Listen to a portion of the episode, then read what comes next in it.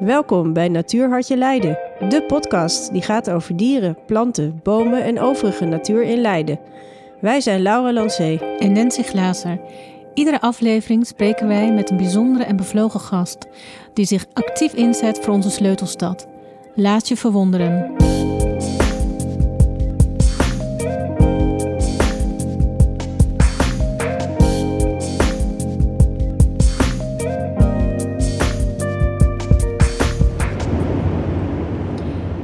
1834 werd het park Het Plantsoen in Leiden aangelegd. En tot op de dag van vandaag groeien in dit park bijzondere bomen, waaronder een zeer imposante beukenboom. Deze boom heeft een indrukwekkende dikke stam met ouderdomsknobbels op haar bast. Het is dan ook niet verwonderlijk dat deze boom vroeger bekend stond als de moederboom. Jaarlijks lopen duizenden mensen door het plantsoen en als de bomen daar onze gesprekken door de tijd heen gehoord zouden kunnen hebben, wat zouden zij dan aan ons teruggeven? Onze gast van vandaag heeft het interessante boekje Bomen in de Stad uitgebracht, waarin tal van bomen in onze sleutelstad worden omschreven. Daarnaast is hij ook auteur van diverse andere boeken, waaronder Natuur in de Stad, Dieren in de Stad, Ode aan de Nachtegaal en Wat zingt daar? Dit laatstgenoemde boek was, uh, was in 2020 genomineerd voor de Jan Wolkensprijs. Naast auteur is onze gast Dick de Vos, literatuurwetenschapper, vogelkenner en natuurgids. Vandaag zal ik met hem niet enkel praten over bomen, maar juist ook over onze kijk of onze manier van kijken op de natuur. Welkom Dick. Dankjewel. Uit de boekjes die je hebt geschreven over Leiden en haar natuur, kunnen we stellen dat je een bijzondere band hebt met onze sleutelstad. Ik ben benieuwd waar je liefde voor de natuur is ontstaan. Kun je daar iets meer over vertellen? Weet het niet precies. Ik denk dat dat uh, van huis uit meegegeven is. Mijn uh, ouders hielden van kamperen. Uh, nou ja, voordat we ehm, een tent hadden, gingen we in huisjes in Renesse en Haamstede en zo. En altijd bramen plukken. Dus mm. ik vond nog bij het overlijden van mijn moeder een oude foto in het familiearchief dat wij daar aan het strand staat of op een duintop. En, ik had daar een verrekijker in mijn hand als enige. Jongetje van zes of zeven, wat moet ik geweest zijn. Dus uh, het zijn in de natuur, dat, dat uh, heb ik altijd wel gehad. Ik doe dat ook nu nog liever dan naar een stad bijvoorbeeld, of naar een museum gaan of zo. Uh, dat vind ik een beetje, ja, dat doe je in andere jaargetijden, maar zeker niet in de lente op het westelijke mm -hmm. halfrond, want dan gebeurt dan zoveel. En, en wat gebeurt er bijvoorbeeld in de lente? Ja, dan, dan uh, het is het voortplantingsseizoen. Dus alles uh, staat uh, op springen. Hè? De knoppen barsten uit en vogels hebben nesten. Je hoort heel veel zang. Um, 50% van alle planten van, van Nederland bloeit dan in de maand mei. En uh, dus ja, daar, daar, dan moet je buiten zijn eigenlijk en niet, niet binnen, als, als het even kan. Dus, uh, ze, en dat is ook heel goed hè, voor, een mens om lekker buiten te zijn. Dat hebben we natuurlijk gemerkt met de corona. Mm-hmm. Hoe goed dat mensen doet om eventjes um, die corona walk te doen. Um, want ja, voor, we hebben zo'n raar zittend leven. De, de meesten hebben kantoorbanen, dat is echt lichamelijke arbeid, hebben niet veel mensen meer. Mm-hmm. Ja, toch is dat wel een behoefte van ons lichaam om in, in beweging te zijn. En als het lente wordt, ga je dan wandelen in de stad Leiden of liever daarbuiten? Um, nou, in de stad ben je sowieso al vaak. Dus dan, ik ga er niet op uit om in Leiden dan natuur te bekijken. Tenzij het bijvoorbeeld daar een boom is die, die op kappen staat. Mm-hmm. Ik, ik, heb nu net een, uh, een, mail gekregen van iemand wiens buren tien bomen willen kappen in, in de tuin. En er zijn monumentale bomen bij. Dus dan ga ik er wel even naartoe. Straks, mm-hmm. als ik uh, terugfiets. Maar in de maand mei, het liefst ga ik naar de duinen. Mm-hmm. Meijendel of Wassenaar of Wassenaarse Slag of zo. Mm-hmm. Dat is zo ongelooflijk mooi natuurgebied. En het is helemaal gratis, hè? Je gaat je fietst er naartoe of je gaat met de auto als het te ver is. En je geniet voor niets. Eén keer een verrekijker kopen en uh, nou ja, je bent voor je leven lang... Uh, kun je aan de gang. En je vertelde net iets over het kappen van tien bomen. Heb jij het idee dat de relatie tussen, tussen mens en de andere natuur, um, dat wij op afstand zijn komen te staan? Ja, het ligt een beetje vanuit welk perspectief je, je kijkt. Hè? Van de, de bosbouwer en, en, en boeren. En, nou, ik heb laatst een cursus boomveiligheidsinspecteur gedaan in, in Apeldoorn. En er zijn zo verschrikkelijk veel bomen. Ja, daar zijn ze eigenlijk ook niet heel zuinig mee. Want er, ja, er zijn er gewoon absurd. Wij zouden, bij- wij zouden bijna zeggen te veel. En, en die mensen die, eh, die kappen ook bomen voor, ja, voor houtstook of voor er iets van te maken. En dan planten ze weer een nieuwe. En na 100 jaar, 50 jaar staat er een nieuwe. Maar in Leiden is het zo schaars, het aantal bomen. En dat zijn ook vaak allemaal dezelfde bomen. eh, Allemaal precies dezelfde bomen op een rijtje. Om, omdat er vroeger altijd is gekeken naar esthetiek, naar het fraaie straatbeeld. En niet naar de biodiversiteit. Nou, eh, dus eh, het, Leiden, het Leidse groen is zo schaars. We zijn, denk, zegt de gemeente zelf, een van de meest verstedelijkte gemeenten van Nederland Mhm. dat we daar extra zuinig op moeten zijn. Van ja, moet die boom dan wel echt om? Soms moet het. Eh, als die gevaarlijk is bijvoorbeeld. Of als die... ehm, als wij denken van nou, het, hij redt het niet lang meer en hij gaat geva- gevaarlijk worden. Nou, dan kan je serieus kijken van wat kun je ermee doen. Mhm. Kappen hoeft niet altijd. Je kunt hem ook eh, zodanig snoeien dat hij minder gevaarlijk wordt. Of ehm, je denkt, nou, hij staat eigenlijk niet op een, eh, op een plek waar auto's of mensen langskomen. We, ma we laten die versterven. Mhm. In een natuurlijk bos, daar is ongeveer 90 van de bomen of dood of stervende. Kijk maar naar oerbossen, die- de- waarvan er nog maar één is. Dat is in Polen, in Mhm. Bar- of ik kan het niet goed uitspreken. Ehm, dat is een- zulke bossen, die, die, die, die waren er vroeger ook. En die vind je nu nog op sommige plekken in de Amazone. Ehm, dat is ook goed. En wij hebben als, we hebben natuurlijk ruimtetekort in, in Nederland. Maar ook, we hebben een, eh, een schoonheidsmanie. Als een, als een boom maar even ehm, ja, niet goed was of niet fraai werd gevonden, werd die gekapt en werd er een nieuwe neergezet. Met als gevolg dat er eigenlijk helemaal geen oude of dode bomen meer zijn in een park of in een. Of ja, heel zelden. Te- als mensen er echt op letten. Mhm. Het is wel aan het veranderen, maar van nature hebben de oude groenopzichters dat niet in de opleiding meegekregen.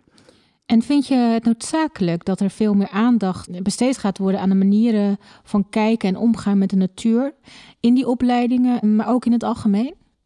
Ja, je moet je goed realiseren wat, eh, wat natuur voor mensen betekent. Hè? Eh, je, hebt, eh, ik- je hebt wel politieke partijen die lijken de natuur wel te beschouwen als een soort menselijk decor voor Mhm. de recreërende mens.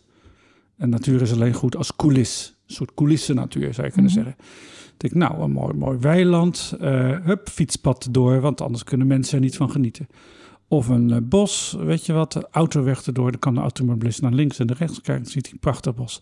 Nou, dat is aan het veranderen. Dat is al een jaar of twintig aan, aan het veranderen. In Ame- de protesten bij de bos in Amelisweert, wat zal het zijn, 20 of 30 jaar terug. Dat begon daarmee, mensen die in de bomen gingen klimmen. We hebben het van de week meegemaakt met Sterrenbos in, eh, in, eh, in Limburg. Ehm, ehm, mensen zeggen, ja, ehm, zo'n bedrijfsuitbreiding, oké, moet dat dan per se in, in dat bos? Dus dat is één natuur, dat je de- eh, één wijze van naar de natuur kijken. Je kijkt naar de natuur eh, voor zover het voor jou eh, betekenis heeft. Mhm. Als voor hout, brandstof of als recreatie. Een hele andere manier is om te kijken, eh, dat bos heeft voor zichzelf een soort waarde ehm, in zichzelf. Mhm. Een boom, ja, die staat er. Je begon met dat prachtige eh, citaat van die boom uit 1834. Bomen leven langer dan wij. Die, die, die, die hebben ons geboren zien worden en zien ook onze doodskist eh, nog. En die hebben een heel ander, ander ritme.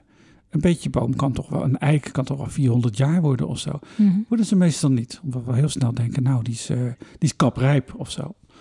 Nou, als je het op een andere manier gaat kijken, ehm, eh, natuur heeft een waarde in zichzelf, dan zie je op een, op een hele, dan kijk je een hele andere manier. Kijk, ik ben lid van de Partij voor de Dieren. En ehm, ja, waarom, waarom heten wij nou zo? Nou, dat komt eigenlijk omdat wij daar in die naam willen aangeven dat je je perspectief moet veranderen.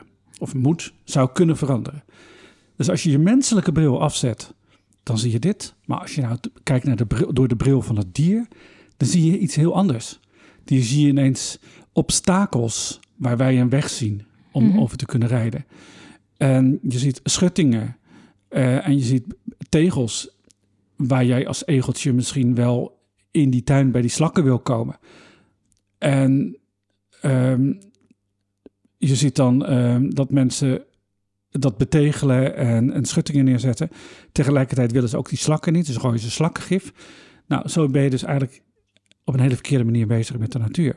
Als je de natuur bekijkt als een soort zelfregulerend mechanisme, maar dus ook dingen gebeuren die je als mens eh, soms niet wil, dan is dat een andere manier van kijken. Ja, en wellicht waren we vroeger veel meer verbonden met, met bomen, omdat de natuur een mystieke waarde had.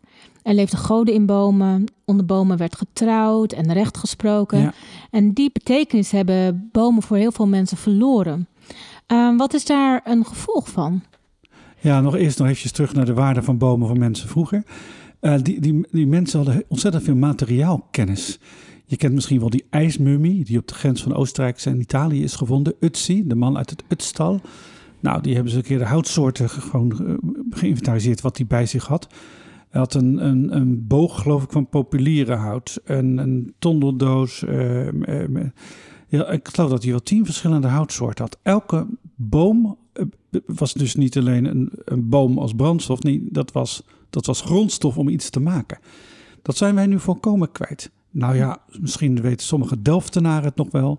Dat je stoelen moet maken van beukenhout en van roeispanen van eh, essenhout, geloof ik, of zo. Want het schijnt beter te zijn.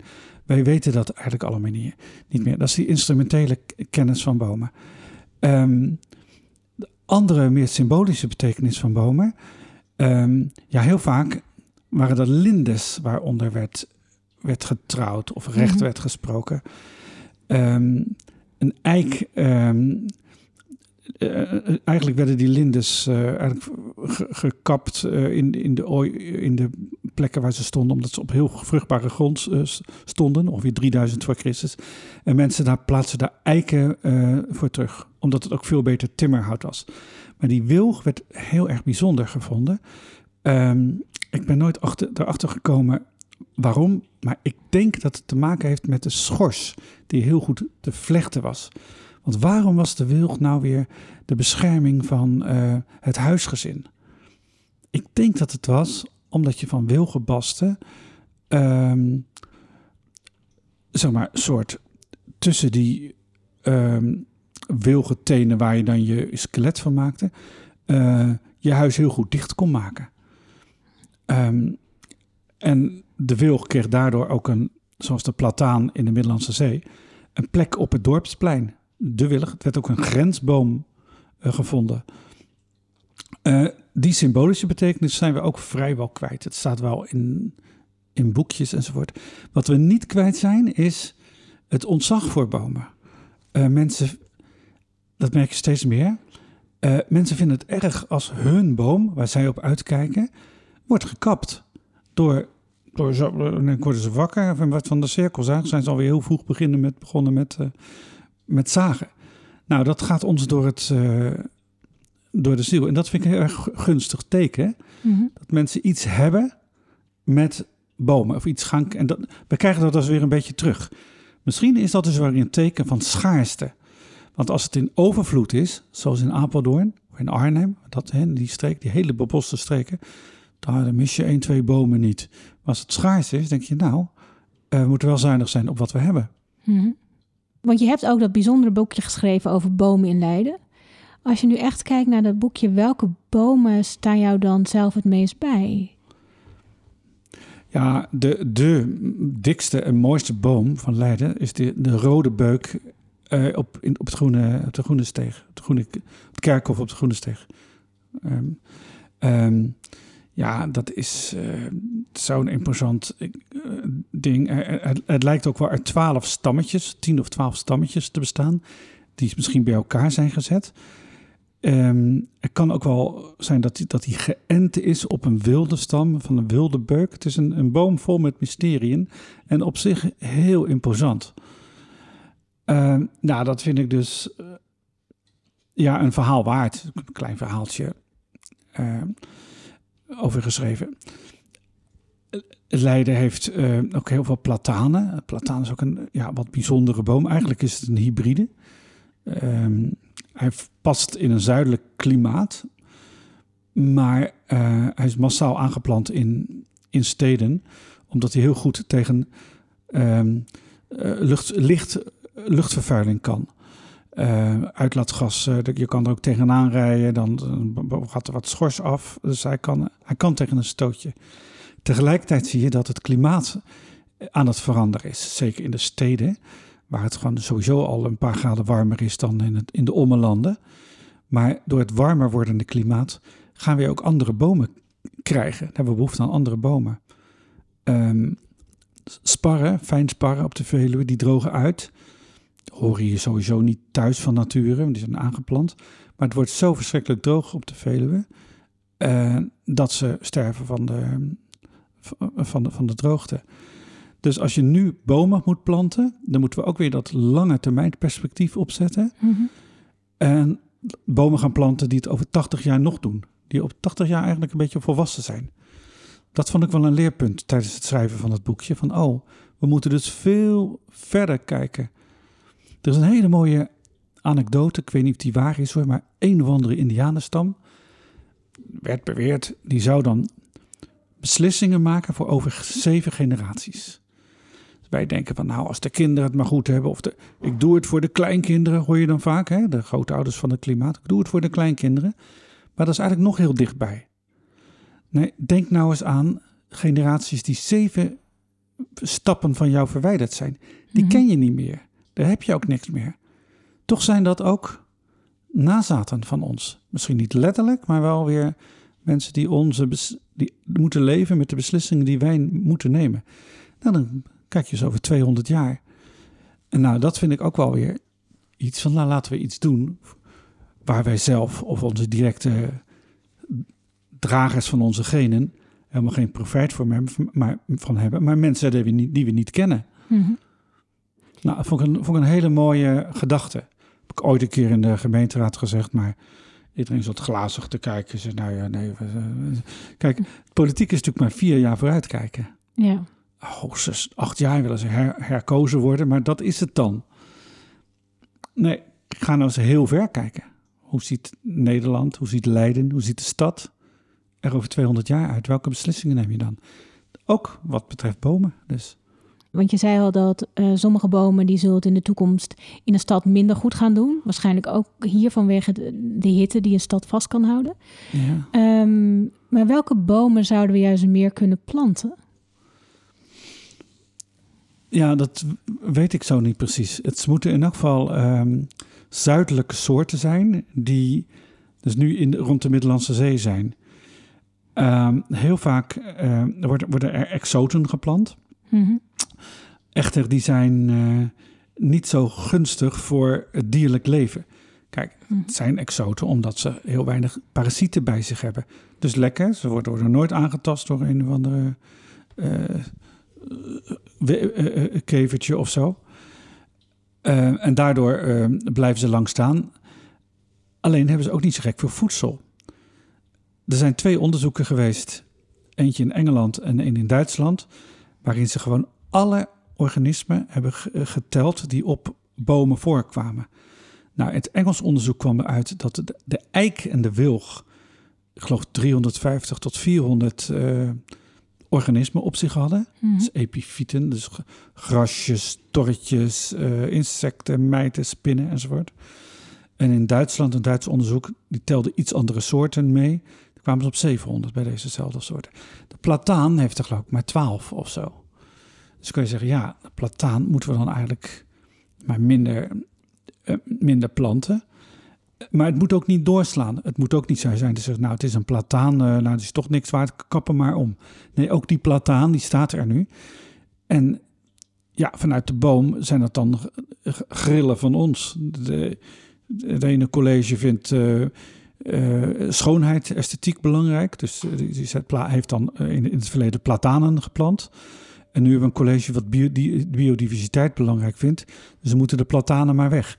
Nee, ik vind ook zo'n boom, die heeft dus het recht om te blijven staan. Je moet niet lijden om mhm. onze wisselende en wispelturige beslissingen.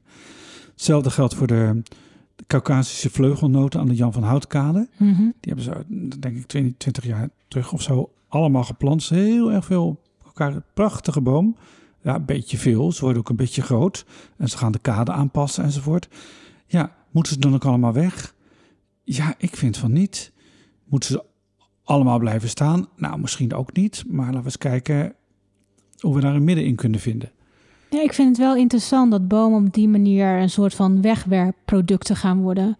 Ja, en dat is ontzettend zonde. Als je, want een, een boom heeft ontzettend veel jaren nodig om te groeien.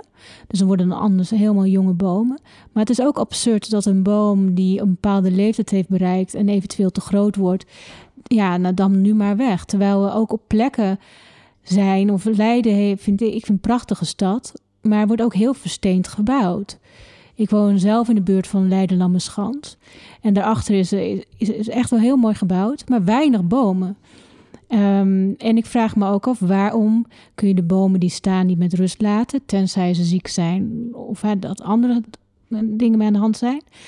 Uh, en ander soort bomen gaan plekken bouwen of planten daar waar we eigenlijk juist bomen kunnen gebruiken. Ja, er zijn hele tabellen voor hè, van uh, bomen die je überhaupt kwijt kan in de stad. Er worden nog hoge, hoge eisen gesteld aan die, aan die bomen. Want uh, nou, een Caucasische vleugelnoot. Kijk, je moet zo'n boom begrijpen eigenlijk. Een vleugelnoot die groeit bij rivierbodems. En dan heeft een heel oppervlakkig wortelstelsel. En die zoekt al die wortels ook. En die, zo vermeerdert hij zich ook. 10 meter verder komt een, een, stronk omhoog. En dan wordt het weer een nieuwe boom. Die vermeerdert zich dus vegetatief heel vaak. Ehm, maar in de stad is de stad heel vaak aangeplant. Dus er gaat, gaan bussen doorheen of lopen mensen.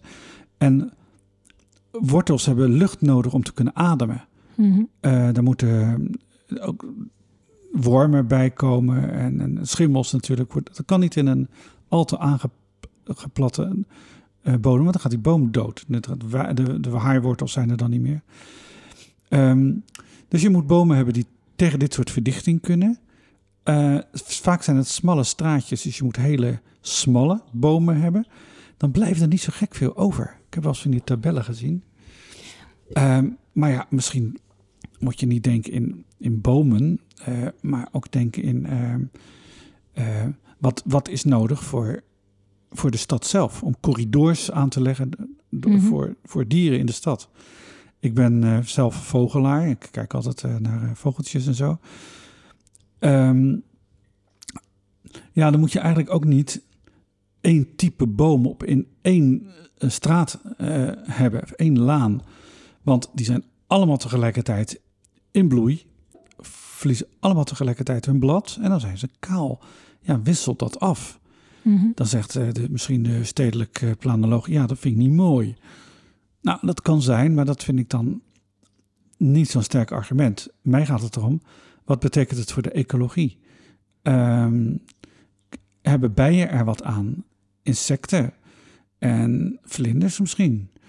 Uh, torren, en dan komen daar weer ook weer vogeltjes op, af, die, die dier, diertjes uit de schors willen plukken.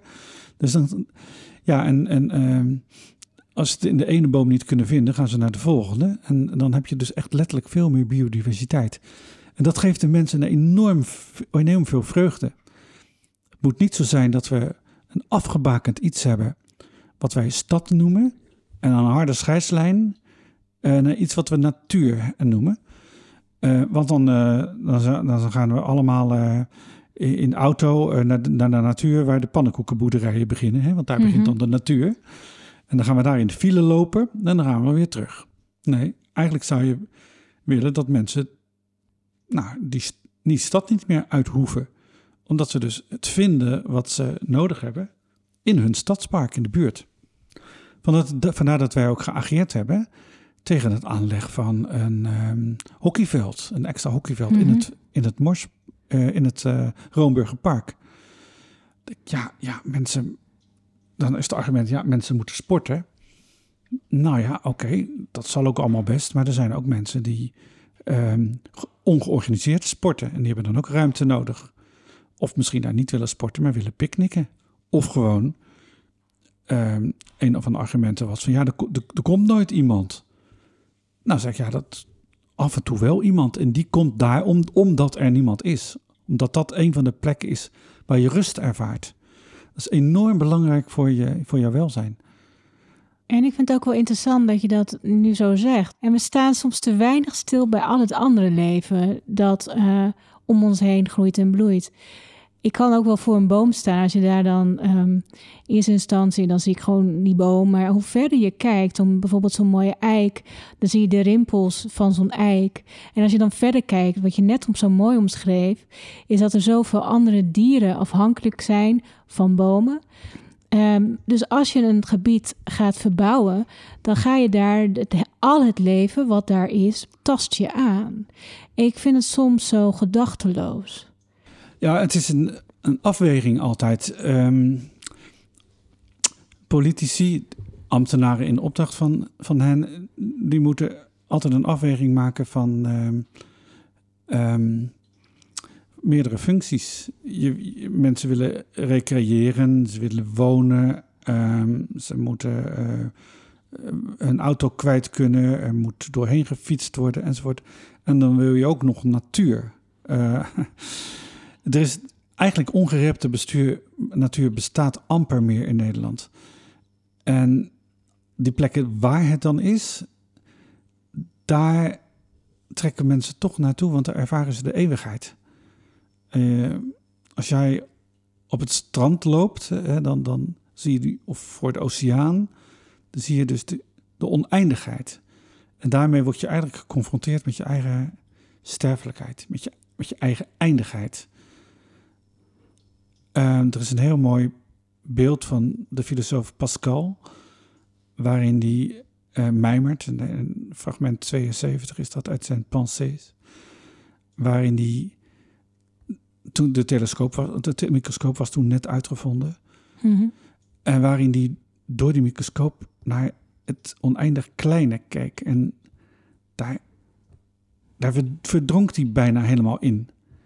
En dan zag dus de, de kleinste diertjes. En dan dachten ze, in die diertjes zijn ook dezelfde vier stoffen werkzaam als bij ons. Dat dacht hij toen nog. Hij dacht nog vanuit de humeuren-theorie dat, dat, dat de koude en warmte, eh, lichaamsvloeistoffen elkaar ons, onze stemmingen bepaalden. Dus hij, hij kwam tot verwondering van zelfs in de kleinste wezens speelt hetzelfde. Maar dan zoomde hij terug en dan ging hij vanuit zichzelf kijken naar het oneindig grote. Door die telescoop die er toen dus net was ook weer. Mhm. Naar de planeten en de sterren en daar zelfs voorbij. En daar kan je op, op eenzelfde manier in verdrinken. Als je blijft kijken.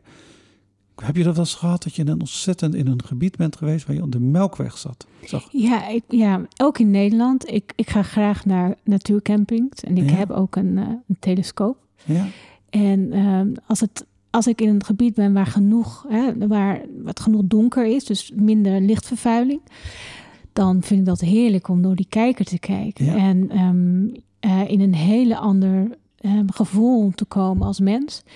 Eh, in die verwondering. eh, Ja. Wat daar allemaal boven is. En dan heb ik zo'n boekje erbij van welk sterrenbeeld of welk planeet zie ik. ja, En die afstand is heel groot.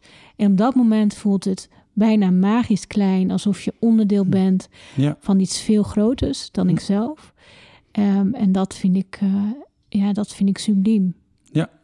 Het is leuk dat je dat zegt, het subliem. Want dat is het precies. Dat is het je raakt dan aan het sublieme. Dat is Mhm. een eh, dat het theoretische concept. En dat is iets wat, eh, wat ons overstijgt. Het, ehm, ehm, Pascal zei, ja, wat is nu de- mens? Hij zit daar precies tussenin. Ni bed, ni ange. Hij is niet een beest, maar ook geen engel. Een, een midden tussen het alles en het niets. Een rien entre tout et rien. En zo, zo, ervaar, ik- zo ervaar ik dat ook.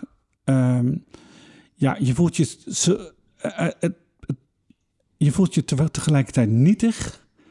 Van ja, wat ben ik nou eigenlijk helemaal een broodkruimel op de rok van het universum, zei Lucebert. Als heel erg groot, van eh, groot ten opzichte van het heel kleine, maar ook groot in het besef van ik ben daar een onderdeel van.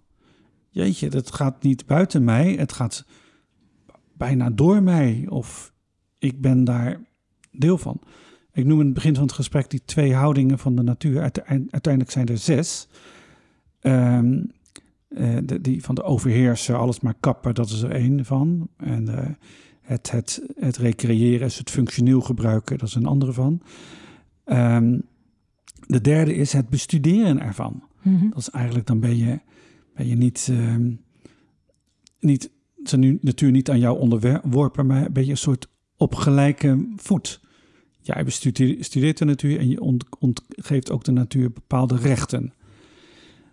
Wat jij nu zo mooi omschrijft is van, dat is een, de houding van participeren aan de natuur. Mhm. Dus je bent een participant van de natuur, van iets wat groter is dan jezelf. Dus eigenlijk is dat de, de vierde grondhouding. Er zijn er totaal zes, maar op deze vier komt het eigenlijk op neer. Het is wel echt prachtig. En ik, wat je ook net omschreef van, van zo'n boom met die wortels. Ik vind het fantastisch als ik een stukje asfalt omhoog zie.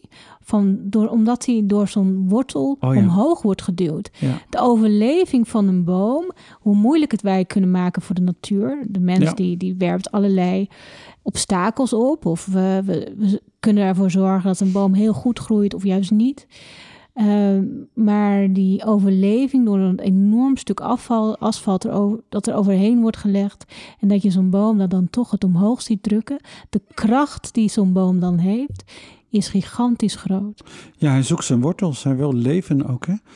Ehm, Dat dus- is heel mooi, want misschien als de luisteraar ooit een boom ziet en waarvan die wortel omhoog drukt, ja. is het heel mooi om te denken: hé, maar die boom wil ook leven. Net ja, ik. is een enorme levenskracht die daaruit eh voortvloeit. Ehm, eigenlijk zit die natuurlijk ook in ons. En tegelijkertijd, ehm, ik ben nou niet een, een bomenknuffelaar. Je moet er ook wel weer wat, wat nuchter mee omgaan. Maar op, je, je kan er wel vaker bij stilstaan, ook als luisteraar. Van hé, hey, die, die, ik heb rechten, maar die boom heeft ook rechten.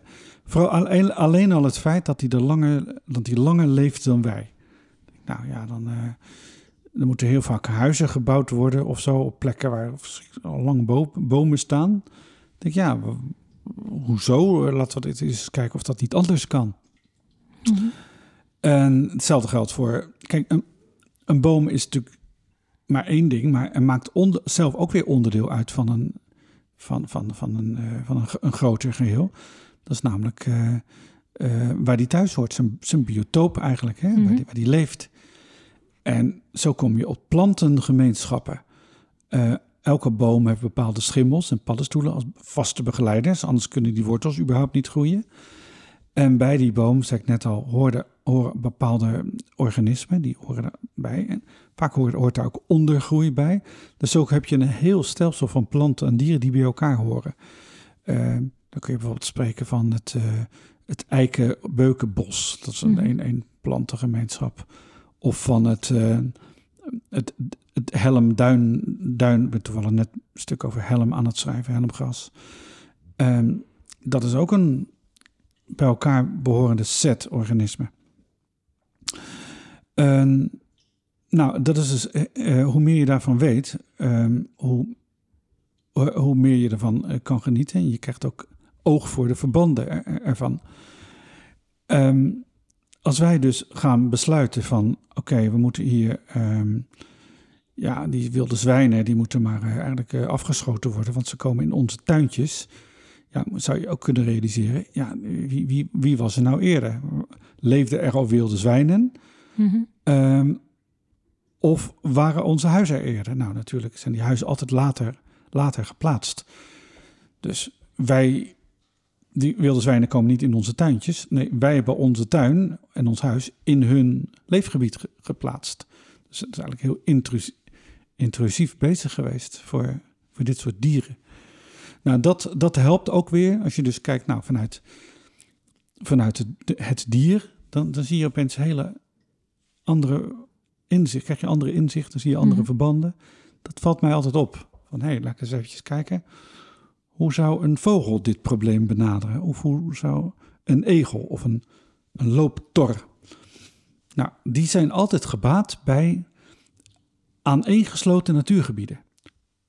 Of natuurgebieden, groenstroken. Mhm. Het is heel belangrijk dat het ook in de stad is. Dat zijn de groene vingers in de stad, die, die vanuit de landgoederen, in dit geval vanuit Leiden, heb je allemaal landgoederen in ons heen, die allemaal stroken als vingers naar de stad, eh, naar het centrum van de stad, uit zich uitstrekken, waaruit dus weer allerlei dieren kunnen komen. Eh, kijk, ik zal maar iets gek zeggen. Ehm, zou het denkbaar zijn dat we ooit eekhoorns krijgen op de burcht? Mhm. Dat zou natuurlijk fantastisch zijn. Ehm, of een nachtegaal weer in de stad. Ehm, Ja, want je hebt ook een heel mooi boek geschreven over de ode aan de nachtegaal. Maar die komen niet meer in Leiden voor. nee, een paar jaar terug was er nog eentje, een doortrekker. Dus elk, elk jaar is er wel, wordt er wel eentje gehoord hoor, of zo. Mhm. Vaak, vaak in eh, mei of zo, een, een, laat mannetje wat uit eh, laat doorkomt. Eh, maar vroeger waren ze heel algemeen in de stad. Überhaupt waren heel veel vogels algemeen in de stad. Die zijn er niet meer. Omdat de stad te netjes is. Er zijn geen spreeuwen meer in de stad. Ja, die vind je bij boerderijen waar een beetje mest is en weilanden enzovoort. Nee, je hebt wel weer andere dieren. Gierzwaluwen, oorspronkelijk rotsbewoners. En Mhm. meeuwen, oorspronkelijk kustbewoners. Die gaan op de, op de kiezeldaken. Eh, dus wij trekken andere dieren dan weer aan. Maar nachtegalen hebben we niet meer. Nee, helaas. Eh, ook niet in andere dorpjes. Dat is te netjes geworden. Onze esthetiek heeft, eh, esthetiek heeft in dat opzicht eh, het probleem misschien wel veroorzaakt. Als we alles netjes inrichten en of juist bepaalde bomen niet meer tot bloei laten komen. Ja, dieren hebben altijd eh, behoefte aan rommelhoekjes. Mhm. Niet ingevulde stukjes ruimte. Die zijn eigenlijk vergeten door de landschapsarchitect. En waar dan net weer voldoende spinnetjes en een beetje, een beetje, een beetje troep. Mhm. Neem de zwarte roodstaart, die, die broedt midden in eh, de stad. Ik was laatst in eh, Den Haag Centraal Station, stapte ik uit. Toen hoorde ik een zwarte roodstaart van, hé, hey, dat is leuk. Nou, die heeft daar dus blijkbaar bij dat spoorwegemplacement eh, genoeg rommelhokjes gevo- gevonden. Ik kan me best voorstellen, dat er, staan natuurlijk ook treinen stil en zo. Om, ja, om, om spinnetjes en zo te, te vinden en insecten. Nou, daar leeft hij dan van. Of een enkele rups, als hij jongen heeft. Die zijn er steeds minder, Mhm. omdat het allemaal ingevuld wordt. Nou, dat is jammer. Ook huismussen verdwijnen daardoor. Hè? Eh, die hoekjes die we hadden, die, die worden vaak geannexeerd door de gemeente. Of die worden bij, eh, bij huizen aan, aan, te, vaak te koop aangegeven. Nou, dit paar meter eh, groen, openbaar groen, daar doet de gemeente niks mee. Het, het kost heel veel moeite om het bij te houden. Die zijn een stuk, ja, of vijf misschien terug allemaal verkocht aan mensen die aan, waaraan de tuin, aan wie de tuin grensde. Vind ik ook niet zo heel erg, want ehm, als die mensen maar die tuin dan weer niet betegelen. Maar helaas gebeurt dat wel. Met alle gevolgen van die. Ja, ik vind dat het eigenlijk daar een, eh, ja, toch wel een verbod op moet komen. Op het, op het volledig betegelen van je tuin. Mhm. Want je bezorgt andere overlast. Het water kan niet meer inzijgen in je tuin. En dat gaat dan maar bij jouw buurvrouw of buurman, die dat dan niet doet. En als die het allemaal doet, nou, dan heb je dus grote riooloverstorten. Hè? Nou, we zijn wel bezig in Leiden met gescheiden rioolsysteem. Maar natuurlijk nog veel beter is als het, als het gewoon in de grond kan verdwijnen, zoals het ooit, ooit was. Mhm. Het was nu ooit niet betegeld. We hebben geen rotsgrond in Leiden. Dat is allemaal, eens kijken hoeveel, hoeveel verhard oppervlak er is in Leiden. Dat is ongelooflijk veel. Ja, en als je dan kijkt, eh, eh, waar ook de podcast deels over gaat, over het verwonderen over de natuur. En je ziet juist dat we het behoorlijk aan het verstenen zijn, dan verliest het juist heel veel van haar schoonheid. Ehm, en wat je net ook zo mooi zei over, over bomen, die. eh, het, het vormt een heel netwerk van, van leven. Dus het is een enorme ecologische omgeving. Ehm, eh, in het klein wonen er al zoveel verschillende dieren. Wat zou je Leidenaren gunnen voor hun stad? Ja, veel meer groen. Ehm, kijk, ik, ik woon zelf in een, in een groene buurt, daar hebben we bewust voor gekozen. Ehm, maar eigenlijk zou je dat iedereen willen gunnen. Een enorme groene buurt. Laten we eens even fantaseren. Uh, Laten we mhm. alle auto's eens wegdoen uit Leiden. Mhm. Mm, misschien, uh, ik heb ook een auto, uh, maar goed, toch eventjes over 50 jaar. Hè? Dan bestaan er geen auto's meer. En die plekken, wat kun je daar wel niet mee doen, joh? Dan kunnen kinderen weer spelen. Er kunnen het hele dikke bomen groeien mm. om de zoveel tijd. Um, en sommige bomen zullen ook niet meer gekapt worden, omdat automobilisten klagen dat de bladeren op hun auto's vallen. Inderdaad, dus, bladen of uh, van die luizendruppels. Hè, die, uh, dan wordt, het, wordt de auto vies, dan wordt de autolak vies. Allerlei, met name lindes hebben dat. Die hebben een bepaald insectje, waardoor die eigenlijk als een soort afscheiding allerlei zoetigheid op de autolak doet. Ja, zeker. Um, ja, je moet het... Ik vind überhaupt dat mensen de natuur niet accepteren zoals die is. Um, zijn het geen harde winters meer, strenge winters meer, dan leggen we een energieslurpende ijsbaan neer op de Nieuwe Rijn. Mhm. Omdat wij zo nodig willen schaatsen in de open lucht. Dan gaan we, dus voor een schaatsbaan zeg ik, oké, die is daar dan voor en het is overdekt, dat is nog te overzien. Maar in de open lucht een schaatsbaan. Dat is te gek. En dan kijken we ernaar vanuit een terras met een terrasverwarmer in ons t-shirtje. Dat is ook gek natuurlijk, zeker die mhm. combinatie. Dus terrasverwarmers, uh, ja, verbieden. Veel te duur. Uh, Welk effect heeft een terrasverwarming bijvoorbeeld op het leven van, van dieren of planten in de stad? Uh, nou, niet direct. Uh, ja, misschien ook wel dat, dat je, je, je, hebt een enkele overlevende pop of zo, of een, of een, koningin, een wespenkoningin. Maar die terrasverwarmer wordt weer, ook weer uitgezet. Die wordt alleen aangezet als er, als er gasten zijn. Dus dat is heel, on, dat is heel uh, dat is niet constant. Mhm. Maar het feit dat je niet accepteert dat het gewoon koud is en je dus gewoon een trui moet aandoen, mhm. maar dat je gewoon in luchtige kleren buiten wil zitten, per se, omdat jij vindt dat dat moet, dat is gek. Dat, dan accepteer je dus niet de natuur of de wereld zoals die, zich aan jou voordoet. Mm En dat is die omdraaiing. Um, de, de natuur lijkt dan wel een soort van um, ja, serre aan je huis. Mhm. Een soort verlengde van, je, van jouw huiskamer. Zo wordt uh, de natuur ingericht. Tuinen sowieso al, maar ook, ook de natuur, omdat jij daarin wil wonen en recreëren. Dus wij passen de natuur volkomen aan aan onze wensen en grillen. Mm In plaats van dat wij ons te gast voelen in de natuur. En in ontzag gekomen voor, oeh, het is toch wel heel koud. Ehm, ik doe mijn trui aan en ik ga in het bos lopen met een, met een, uh, met een regenjas aan. Ja, het, het, kan natuurlijk niet, maar het zou helemaal.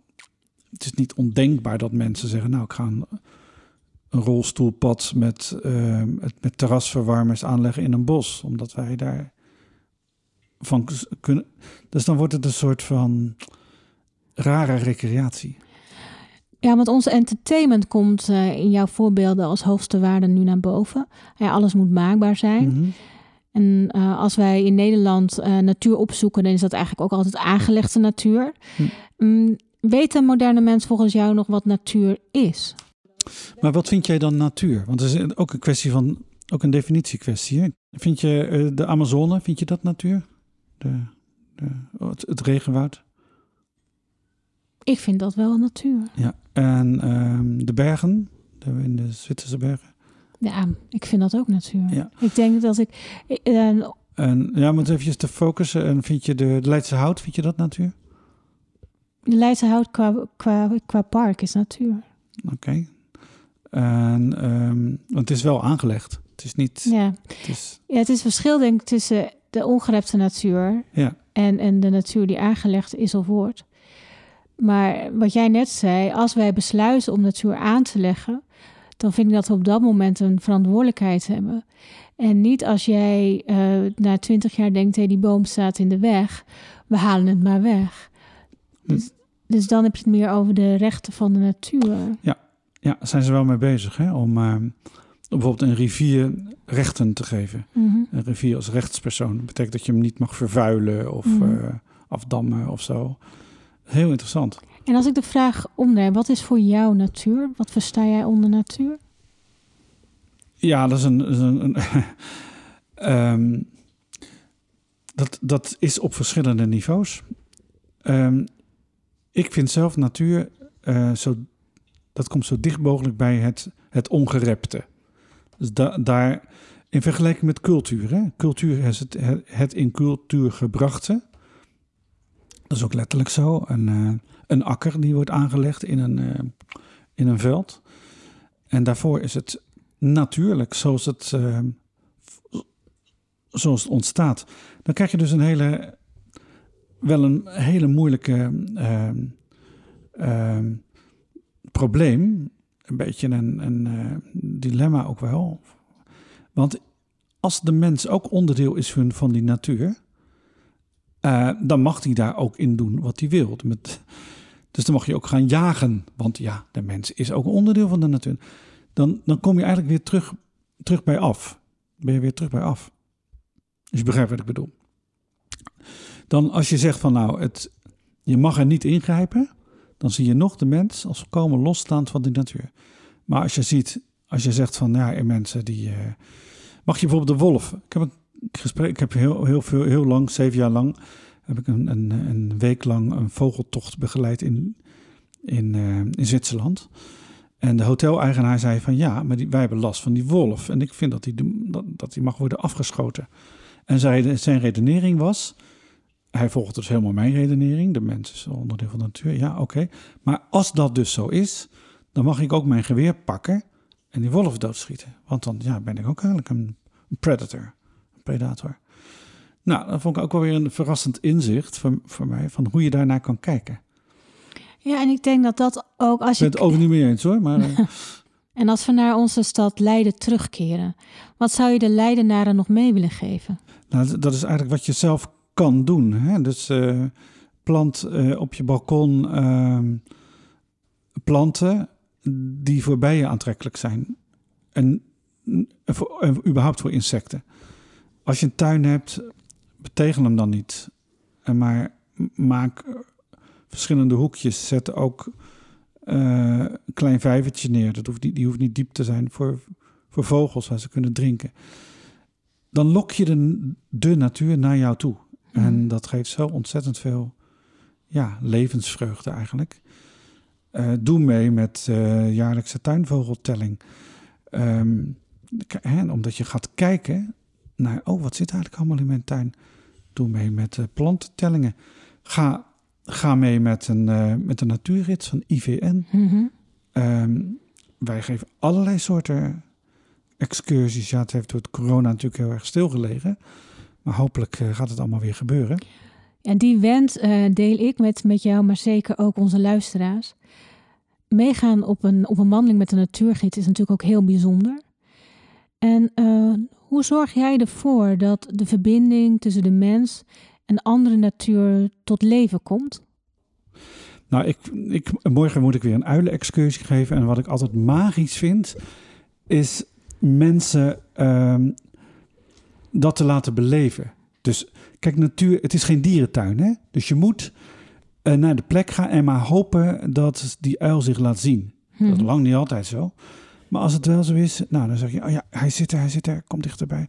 Gaan we steeds dichterbij en uit, uit, uit, dan zien ze hem. En dan denken ze, oh, fantastisch. Ik, ik heb nog nooit een uil gezien, zeggen ze dan. Wat is dat mooi. Nou, dan, gaat het, dan springt er iets over. Je hebt echt een soort van contact met ja, een andere levensvorm. Misschien ook wel met jezelf. Met de natuur in, of het eeuwige in jezelf. En dat, dat, dat, dat te laten zien is verschrikkelijk leuk. Dat is veel belangrijker dan uh, de naam van elk plantje of diertje uh, noemen, want dat vergeet ze toch weer. Mm-hmm. Dus echt letterlijk de natuur tot leven laten komen. Laten beleven, ja. ja. En um, gisteren um, wandel ik uh, in Leiden en kwam um, nabij het Noordeinde een moerascyprus tegen. Uh, deze boom staat niet in, in jouw boekje, maar je hebt natuurlijk keuzes moeten maken en het is een gigantisch mooie verzameling in dat boekje. Um, zou je deze boom in je boekje opnemen? En zo ja, uh, waarom? Nou, het is een hele interessante boom, um, want het is een, een bladverliezende naaldboom. Kijk, wij kennen natuurlijk de, de, de, de sparren en de, de dennen. Hè. Onze, onze dennenboom is eigenlijk een spar. En die hebben hun naalden, hun bladeren zijn naalden, helemaal kogelrond. Heel goed uh, tegen allerlei barre omstandigheden uh, bestand. Uh, alleen die, die houden dus jaar rond. Vandaar dat het dus het eeuwige groen is. Ook het symbool voor het eeuwige groen. Vandaar dat het bij ons in huis staat. Maar moerascypressen niet. Die hebben dus een latere evolutie meegemaakt, waar ze gewoon hun naalden verliezen. Komt, voort, komt uit Noord-Amerika. En um, ja, uh, die, die naalden groeien dus elk jaar weer aan. En hij kan dus de hele natte grond. Het is een latere evolutionaire ontwikkeling, hoogstwaarschijnlijk. En uh, exoot hoort hier niet van nature, maar het is wel, kijk, voor in een park, en zeker in een singlepark, vind ik hem wel weer kunnen. Want dat is, uh, ja, dat is eigenlijk een soort bomenmuseum. Maar je moet niet denken dat het uh, ongerepte natuur is. Nou, gelukkig kunnen wij van die boom blijven genieten. En als u de wandeling maakt uh, door de stad, die, uh, en de wandeling die bij deze podcast hoort, uh, dan zult u vele van deze bomen tegenkomen. En wellicht ziet u de wortels het sterke asfalt omhoog duwen. Sta dan even stil om na te denken over het wonderlijke leven van die boom en alles wat in, op, onder en om die boom leeft en groeit. En daar waar u op de wandeling de afwezigheid van bomen ziet, hoe kaal ziet de wereld er dan uit? Het is dus dan ook tijd dat wij massaal onze grondhouding ten opzichte van de natuur gaan veranderen. Uh, Dick, ik wil je ontzettend bedanken voor je komst en het interessante gesprek. Ik heb er ook veel van geleerd. En ik zal straks met meer verwondering dit pand verlaten. Um, dus ontzettend bedankt voor je, voor je bijdrage aan onze mooie podcast. Nou, graag gedaan. Leuk om te doen. Dankjewel.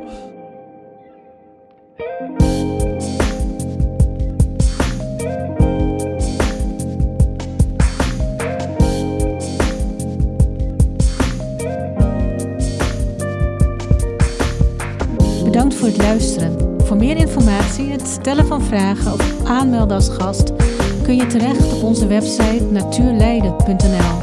Daar vind je ook onze gratis audio stadswandeling.